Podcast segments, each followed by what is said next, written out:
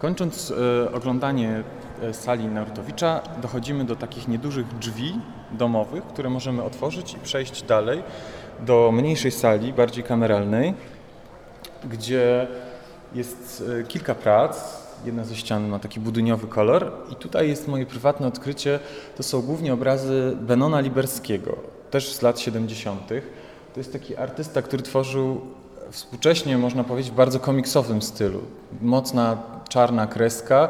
Niektóre prace e, przypominają kadry dosłowne z komiksów, na przykład takie miasto, które wygląda jak Gotham City z Batmana, ale nawet żołnierze mają taki charakter bardzo, bardzo współczesny komiksowy.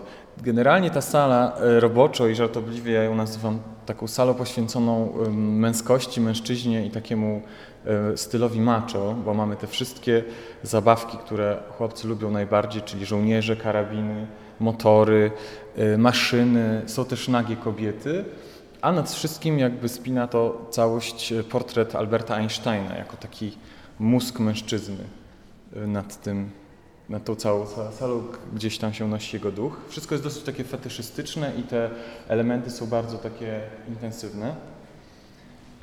I stopniowo z tej sali możemy się prze, przedostać do kolejnej, która też umownie nazywa się Zieloną Miętową.